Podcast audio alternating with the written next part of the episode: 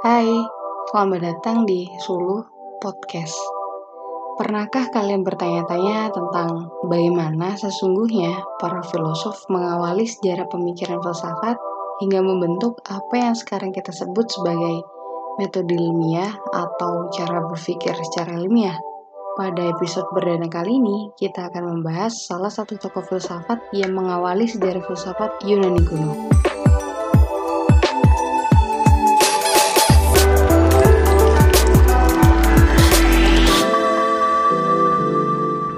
Satu tokoh yang mengawali sejarah filsafat Yunani kuno yaitu Thales dari Milesus atau wilayah di Asia Kecil yang kita kenal sekarang sebagai Turki. Thales disebut sebagai bapak filsafat yang mengawali sejarah filsafat Yunani kuno sekitar abad ke-6 sebelum Masehi. Thales menjadi salah satu di antara tujuh orang paling bijaksana dari Yunani. Kata-kata terkenalnya yaitu get to know yourself and nothing too much. Atau kenali dirimu dan jangan berlebihan. Sebelum lahirnya filsafat, masyarakat Yunani pada saat itu menjawab persoalan dengan mitos. Misalnya, kepercayaan masyarakat Yunani kuno ketika terjadi banjir besar dianggap kiriman dari Dewa Zeus sebagai hukuman atas kesombongan ras manusia. Mitos banjir besar ini berfungsi sebagai pengingat bahwa manusia adalah makhluk yang penuh dengan kesalahan dan mudah tergoda. Jika manusia tidak segera memperbaiki kesalahan ini, maka para dewa akan marah dan menghukum mereka. Mitos ini juga menjadi pengatur interaksi sesama manusia dengan lingkungannya, agar manusia memiliki pedoman untuk menjalani kehidupan sehari-hari.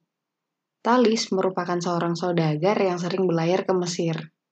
Di Mesir, Talis mempelajari ilmu ukur, Talis bisa mengukur piramida dari bayangnya saja dan selama hidupnya berhasil memprediksi terjadinya gerhana matahari. Talis dapat melakukan prediksi karena ia mempelajari catatan-catatan astronomis yang tersimpan di Babilonia.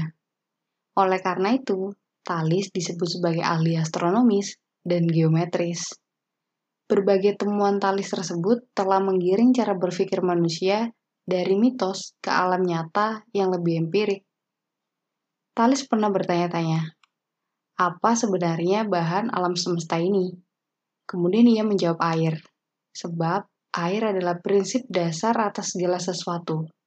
Bagi Talis, semua kehidupan berasal dari air. Tanpa air, makhluk hidup pasti akan mati. Selain itu, air adalah zat yang dapat berubah-ubah bentuk menjadi padat, cair, dan gas tanpa menjadi berkurang sedikit pun. Landasan berpikirnya didasarkan atas pengalamannya menyaksikan kehidupan masyarakat Mesir yang hidupnya bergantung pada sungai Nil. Meskipun Talis hanya berspekulasi, tapi setidaknya ia memakai akal untuk menjelaskan segala sesuatu. Ia tidak hanya rasional, tetapi juga observatif. Talis mencoba menjelaskan dunia dan gejalanya dengan akal. Pemikiran Thales ini mendobrak pemikiran masyarakat Yunani kuno yang pada saat itu bersandar pada mitos. Thales menitik beratkan pada pertanyaan, bagaimana cara kita mengetahui, bukan apa yang kita ketahui. Ini menjadi awal lahirnya apa yang kita sebut sebagai metode ilmiah. Thales pernah ditanya, manfaatnya berpikir apa? Kamu tidak bertambah kaya, tapi malah bertambah miskin. Lalu Talis menjawabnya dengan menggunakan keterampilannya mengenali pola cuaca dan memprediksi bahwa musim depan tanaman zaitun akan panen berlimpah. Kemudian, Talis membeli alat dan menyewakannya. Ternyata apa yang diprediksi Talis benar terjadi. Alhasil, Talis mendapat untung berlimpah padahal ia tidak memiliki tanah maupun tanaman minyak zaitun pelajaran yang dapat kita ambil dari cerita tersebut yaitu kita harus belajar terlebih dahulu, membuat diri kita menjadi berkualitas terlebih dahulu, maka dunia yang akan datang pada kita. Jika kita mulai untuk berpikir rasional dalam menjelaskan berbagai hal, maka kita sebenarnya memiliki potensi untuk mengembangkan ilmu pengetahuan, seperti apa yang selama ini dilakukan oleh para ilmuwan. Namun tidak hanya berhenti pada berpikir secara rasional, Tapi kita harus memiliki kepekaan untuk mempertanyakannya. Bahwa segala sesuatu tidak hadir begitu saja, tapi pasti ada alasan di balik itu. Ketika kita memulai mempertanyakannya, maka segera cari jawabannya saat itu juga, agar kita tidak melupakannya begitu saja. Karena bisa jadi, jawaban dari pertanyaan itu adalah hal yang penting. Setelah kita menemukan jawabannya, kita juga harus bersikap terbuka untuk selalu menyempurnakan kebenaran. Sebab tidak ada kebenaran yang tunggal dan hidup kita berjalan secara dinamis. Jadi, mungkin apa yang kamu anggap benar dan yang saya anggap benar bisa saja dua hal yang berbeda. Ada cerita yang populer dari Talis. Suatu ketika, Talis berjalan-jalan dengan melihat langit. Kemudian Talis terjatuh ke dalam sumur. Ada orang yang melihat Talis terjatuh, kemudian ia berkata pada Talis, Wahai Talis, bagaimana kamu berpikir tentang langit tetapi tidak mengerti apa yang ada di bawah kakimu? Menurut berbagai penafsiran, cerita ini adalah kritik terhadap para idealis. Artinya, kita juga harus lebih objektif dalam melihat realitas, lalu menyusun proposisi dari berbagai kemungkinan-kemungkinan dengan akal sehat kita dan kreativitas yang kita miliki. Jika ribuan tahun yang lalu, Talis mencoba menjelaskan mitos dengan akal meskipun masih bersifat spekulatif, maka yang menjadi kemungkinan pertanyaannya saat ini, apakah mitos masih eksis dalam peradaban modern saat ini? Masih adakah orang yang mempercayai mitos? Jika iya, bagaimana mereka mempercayai itu? Jika tidak, lalu apa yang mereka pikirkan untuk menangkal mitos tersebut? Mitos menceritakan tentang kepercayaan terhadap kekuatan yang lebih besar dari manusia. Dari mana manusia berasal dan bagaimana interaksi yang seharusnya dilakukan oleh manusia dengan kekuatan yang lebih besar ini. Mitos sangat erat kaitannya dengan agama, terutama untuk orang Indonesia yang memiliki karakteristik sangat percaya kepada mitos. Yang tanpa sadar, mitos tersebut dibungkus dengan hal-hal yang agamis. Sebagian masyarakat lainnya yang tidak percaya pada mitos memilih untuk percaya pada ilmu pengetahuan. Perbedaan keduanya jika ditanya misalnya mengenai penciptaan dunia, orang yang percaya pada agama kemungkinan besar akan menjawab dunia diciptakan oleh Tuhan. Sedangkan yang percaya pada sains kemungkinan akan menjawab dunia tercipta karena adanya ledakan besar antar bintang atau yang kita kenal sebagai teori Big Bang. Namun di balik agama maupun ilmu pengetahuan tetap ada unsur mitos yang mendasari, sehingga mitos tetap berperan penting pada perilaku manusia modern. Walaupun kita sebagai manusia sudah hidup di zaman modern, mitos masih memegang peranan penting dalam kehidupan manusia. Mitos memberikan manusia sesuatu untuk dipercayai dan ditakuti. Mitos juga membawa harapan bagi manusia jika tidak ada mitos, maka tidak ada nilai untuk mengatur aktivitas kehidupan manusia. Percaya atau tidak, kita tidak ingin adanya bencana banjir besar yang diturunkan untuk kesekian kalinya. Penciptaan mitos berfungsi sebagai pedoman atau petunjuk agar manusia mengetahui dari mana mereka berasal dan menjadikan dunia ini lebih mudah untuk dimaknai. Contohnya, tidak sedikit masyarakat di Indonesia yang mempercayai bahwa ketika terjadi bencana alam, dianggap sebagai hukuman atas dosa yang telah dilakukan oleh masyarakat. Seperti ketika terjadi bencana alam tsunami yang menimpa kota Palu akhir tahun 2018. Tidak sedikit masyarakat yang percaya tsunami terjadi ada kaitannya dengan perhelatan Palu Namoni.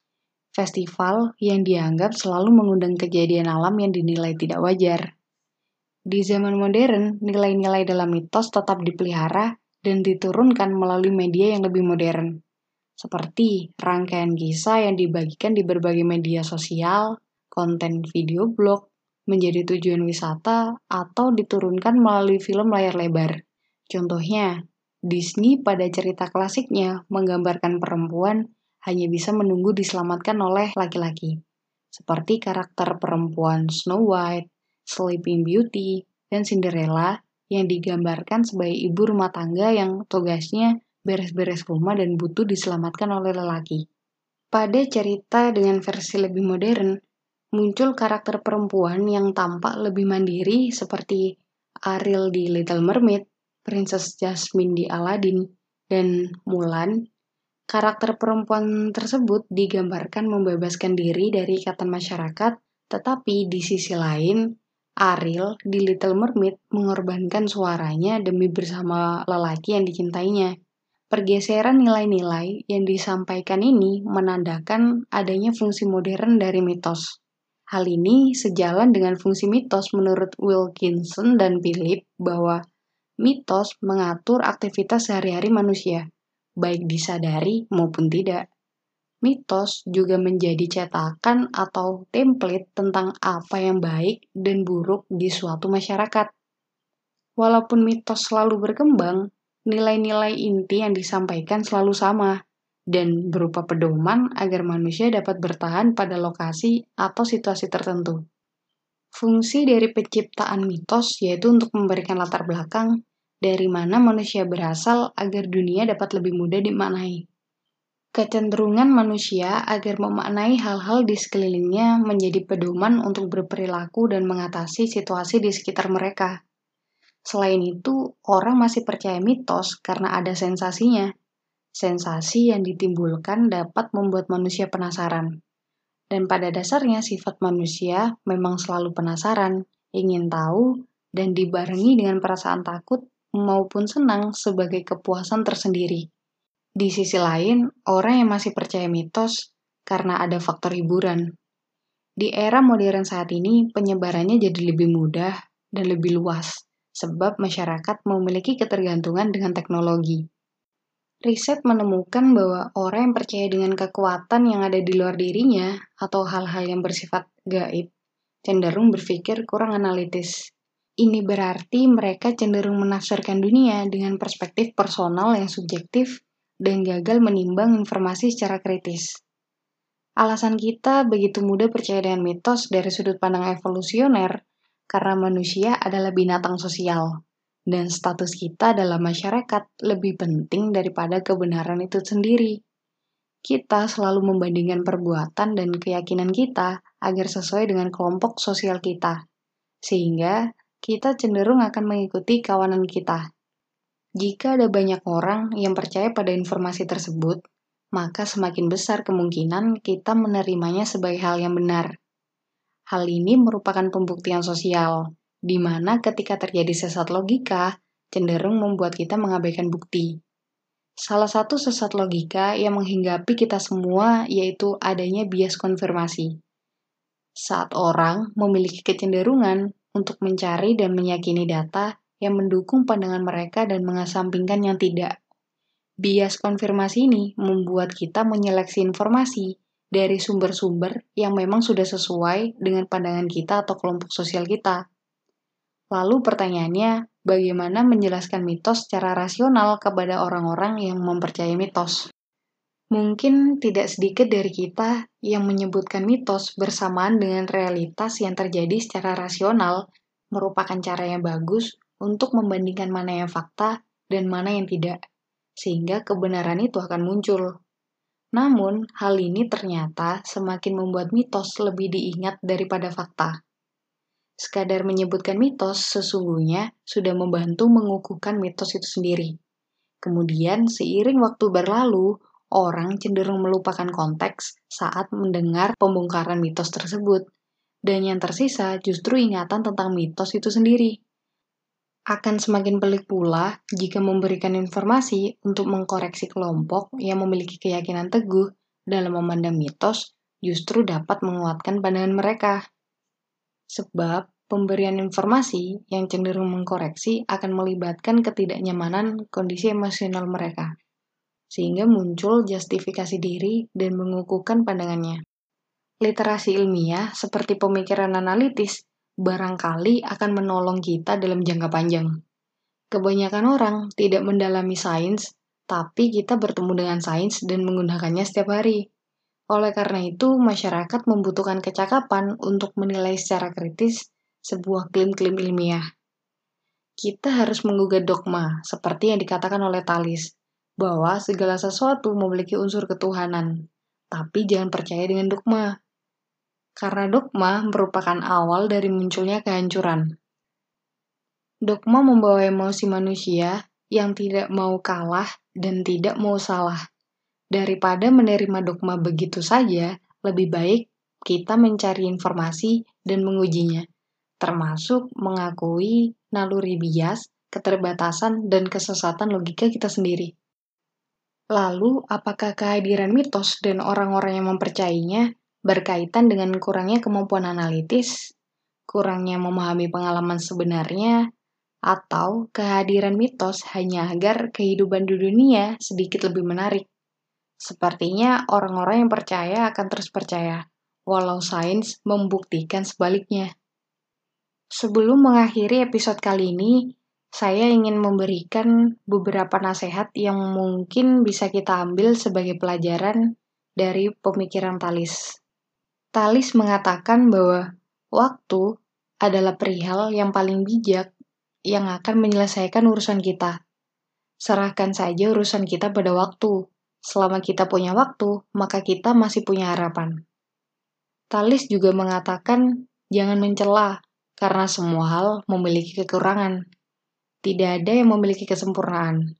Ciri orang bijaksana bukanlah orang yang banyak bicara, sebab orang yang bijaksana pikirannya akan sibuk untuk mencermati dirinya dan sedikit berbicara.